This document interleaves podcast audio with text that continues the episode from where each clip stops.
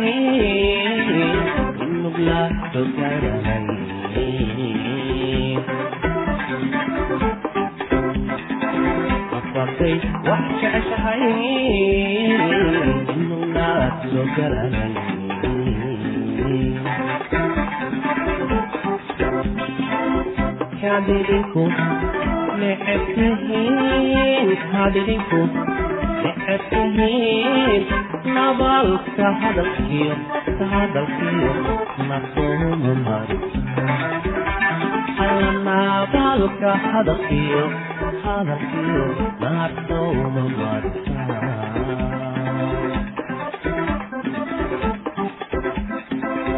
kadidinku necabtihiin kadidinku necabtihiin nabadka hadalkiyo hadalkiyo nabadka hadalkiyo hadalkiyo naqohumaku soo noqon ninkala imode imode ninkala imode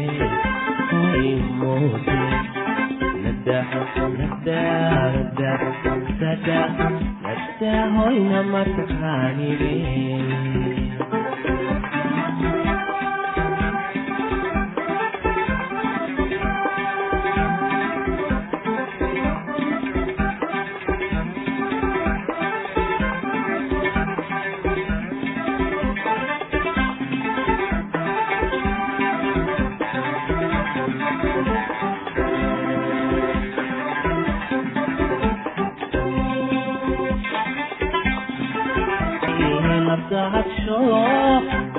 حزين وابدعت شوق ما تعني رماني اسمعني عامل جهنم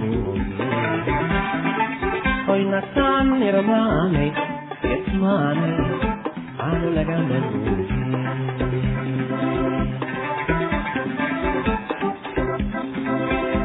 Thank you.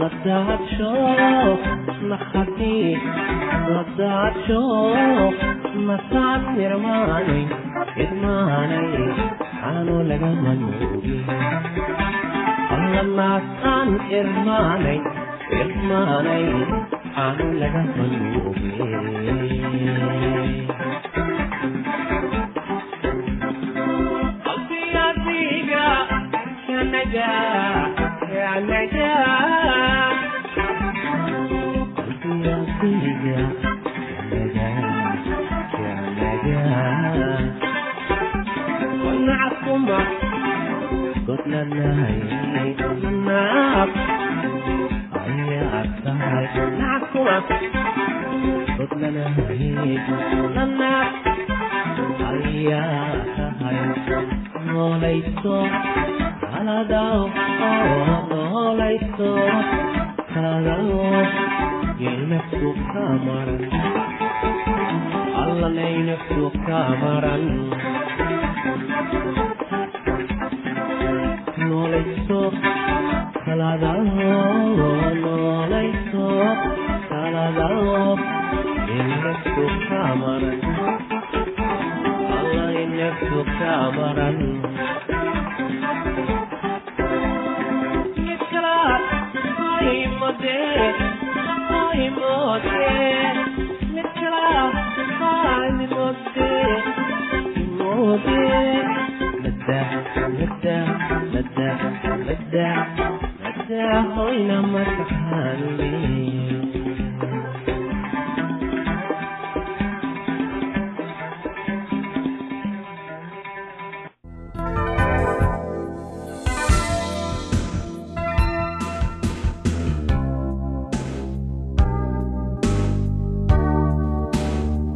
haddii uu dhaqsi wax u xusuusanayo si wanaagsan u hadlayo si wacan u fahmayo marka aad sheeko u sheegtid oo uu muujinayo dhegaysi dheer waxay u baahan tahay inuu isticmaalo qeybta bidix ee maskaxda. Laakiin haddii uu muujiyo awoodda ku saabsan xagga orodada ee uu dabeecad hal abuur leeyahay oo uu lumiyo xiisadihii uu u qabay waxyaalaha kale oo uusan wakhtiga ilaalinaynin waxaa markaasi dhici karta in cunugaagu isticmaalayo dhanka midig ee maskaxda ama waxa luuqadda ingiriiska lagu yidhaahdo right brain sided. Waxaad ogaataa dadka kala raacsan labadan qaybood inay jiraan meelo ay ku liitaan iyo meelo ay ku wanaagsan yihiin. Tan waxay ku awoodinaysaa inaad si sahlan cunugaaga ugu caawiso waxbarashada. Waa run in carruurta isticmaasha dhanka bidix ee maskaxda ay ku liitaan xagga orodada iyo casharada ku saabsan farshaxanimada. Carruurta isticmaasha dhanka midig waxa ay la xarbinayaan barashada luuqadda afka ingiriiska iyo akhrinta aad ayay u dhibaysaa oo way ku adag tahay inay xifdaan qaybaha yaryar ee gabay ah haddii loo dhiibo. Si sahlan ayayna u qalbi jabayaan. Waxaad isticmaali kartaa buundada loogu yeero luuqadda si aad carruurta ugu caawiso inay isticmaalaan kulli labada qaybood ee maskaxda dhanka midig iyo dhanka bidixba. La soco waxay ku dhagaysanayaan iyaga oo isticmaalaya dhanka bidix ee maskaxda. Waxaanay arkayaan inaad hadlaysid adiga oo isticmaalaya qeybta midig ee maskaxda. Sheekooyinka loo sheega carruurta ayaa waxay yihiin kuwo isku xira dhanka midig iyo dhanka bidix ee maskaxda.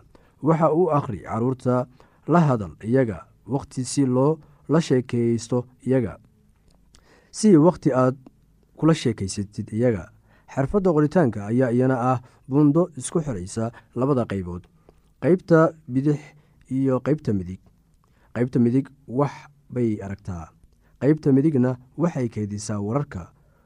U iibi joornaalo buwaagta taswiirta ee ka hadlaya mowduucyada ay jecel yihiin.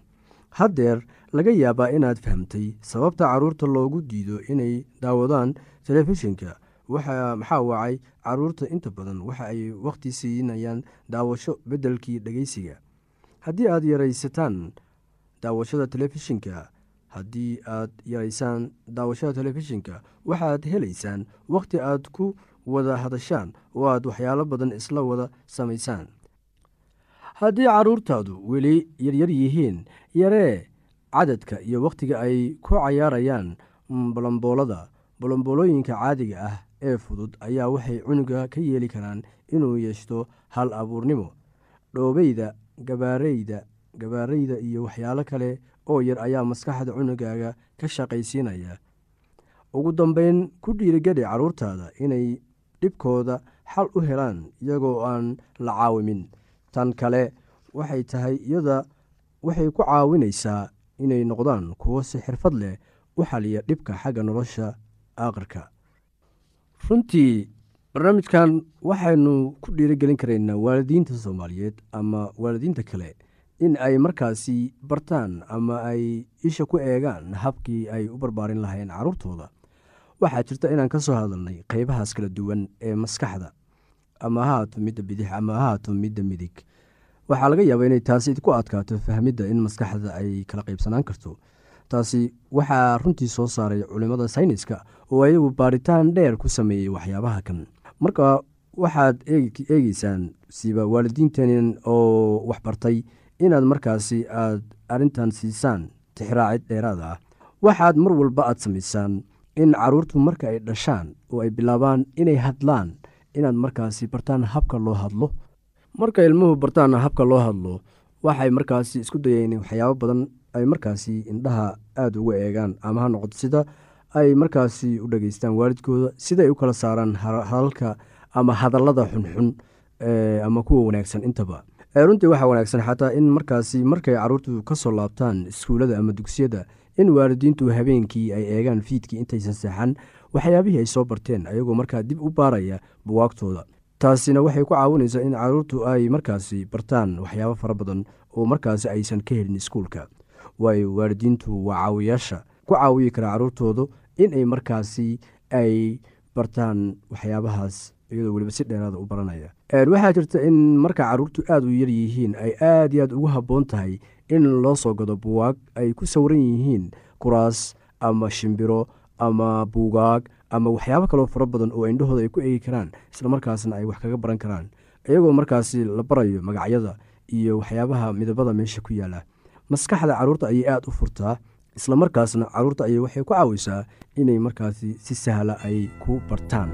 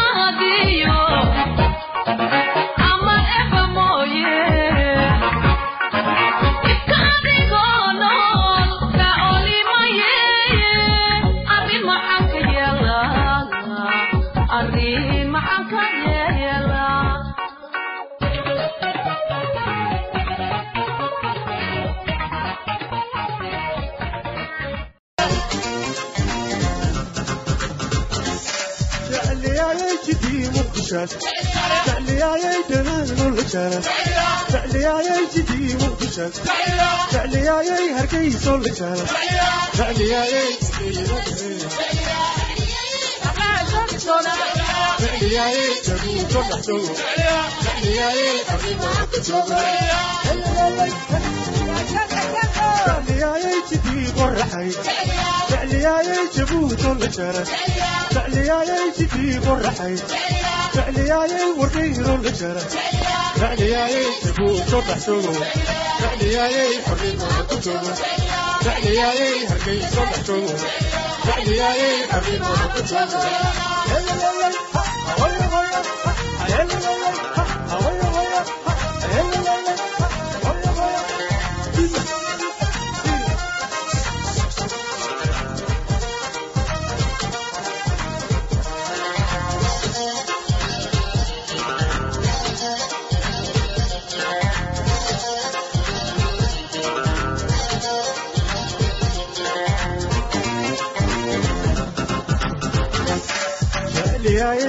jamaalkinku hoyo dhaliyaayey xornimo aan ku joogo dhaliyaayey jamaalkinku hoyo dhaliyaayey xornimo aan ku joogo dhaliyaayey jamaalkinku hoyo dhaliyaayey xornimo aan ku joogo dhaliyaayey jamaalkinku hoyo dhaliyaayey xornimo aan ku joogo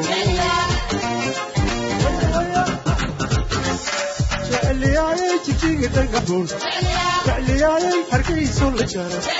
Jecliyaayay jijiga dhagaxuun jecliyaayay laasxano dhexduun jecliyaayay jecliyaayay qoryobaha ku dumo jecliyaayay jamaadu kumoyo jecliyaayay qoryobaha ku dumo jecliyaayay jijiga dhagaxuun jeclyaayay hargayso la jaro jeclyaayay jidii qorraxay jeclyaayay wadiino la jaro jeclyaayay jamaanu kumayo jeclyaayay arrida ku togo jeclyaayay jamaanu ka sogo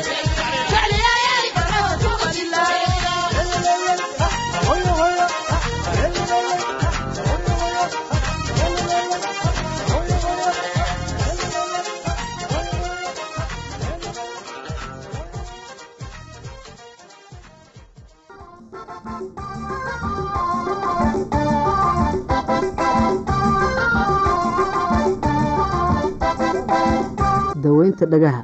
Waa lagama maarmaan in si dhaqso ah loo daweeyo bukaanada dhagaha si noola dile sida benesaliin sulfadaysiin carruurta saddex sannadood ka yar ambasaliin ayaa ugu wanaagsan.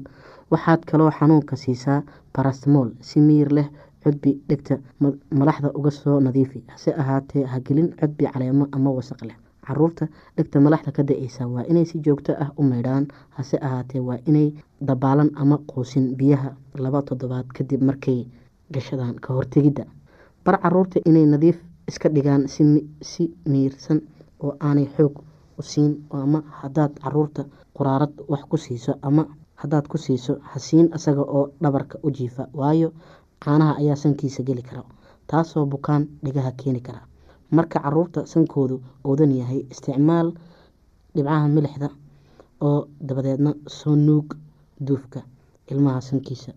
Bukaanka gacanka dhigta sidaad u ogaato bal in gacanka ama dhuuntu tagayso ay bogto quni yar dhigta u soo jiid. Haddii tani xanuun keento gacanku waa bukaa dhibco qal iyo biyo ku dhibci dhigta. Saddex ilaa afar goor maalintii malqacad qal ah ku dar malqacad biyo la karkariyey. Haddii xumad ama malax jiraan isticmaal noola dile cuno xanuunka iyo xoqadaha. Dhibaatooyinka badan ee waxay ka bilaabmaan durayga. Waxaa laga yaabaa in cunaha cas yahay oo xanuun ilmaha marka uu doono inuu wax liqo xoqaduhu laab qanjidhkooda yaalla labada dhinac ee cunaha dabadiisa ayaa laga yaabaa inay bararaan oo xanuun kululaadaan ama malax ka soo dareerto. Xumadda waxay leedahay inay gaadho daweynta. Ku luqluqo biyo milix leh oo diiran malqacad shaaha oo milix ah ku dar koob u qaado xanuunka brestmol haddii xanuunka iyo xumadda si kadis ay u yimaadaan socdaan ama ka badan saddex maalmood doono dhakhtar. Cuno xanuunka iyo khatarta xumadda rumaatiga cuno xanuunka had iyo goor la socda durayga waa in nooladili loo isticmaalaa. Haddii la isticmaalona waxba kama taraan. Ku dawee luqluqooyinka asbriin hase ahaatee cayn ka mid ah cuno xanuunka oo la yiraahdo waa in lagu daweeyaa benesaliin waxaana aada ugu badan yahay carruurta iyo dhalinyarada sida caaliga ah. Si kaliis ah ayuu ugu bilaabmaa cuno xanuunka iyo xumad badan iyadoo calaamado durayga iyo qof lo socdaan. Xaggiisa dambe iyo xoqaduhu aada bay u casaadaan. Qanjirhka daanka ka soo hooseeya waxaa laga yaabaa in uu bararsan yahay danqan danqanayo si benesaliin toban maalmood sii hadiyo goor la siiyo benesaliin toban maalmood. Xumadda romaatigu markay timaado ayay yareysaa ilmaha. Cunaha sidan u buka streeb qaba waa in meel gooni ah wax ku cunaan oo seexdaan meel gooni ah. Caruurta si looga ilaaliyo inay iyaguna qaadaan. Xumadda romaatiga cudurkani carruurta iyo dhalinyarada ayuu ku dhacaa. Wuxuu bilaabaa hal toddobaad ilaa saddex toddobaad kadib markaa qofku ku dhacayo streb calaamadaha ugu waaweyn oo ah saddex ama afar calaamadood oo muuqda. Xumad xanuunka laabatooyinka ah gaar ahaan jiqirooyinka qofka iyo qufacyada iyo saddexda laabatooyinka way bararaan oo ay kululaadaan oo ayna casaadaan. Xariijimo goolaaba ama meelo soo buuran oo diirka hoostiisa ah. Kuwa aada u xun waxaa jira itaal darro hinraag iyo wadno xanuun. Dhageystayaasheena qiimaha iyo qadarinta leh waxaa halkaa noogu dhammaaday barnaamijkii caafimaadka. Waa shiina oo idin leh caafimaad wacan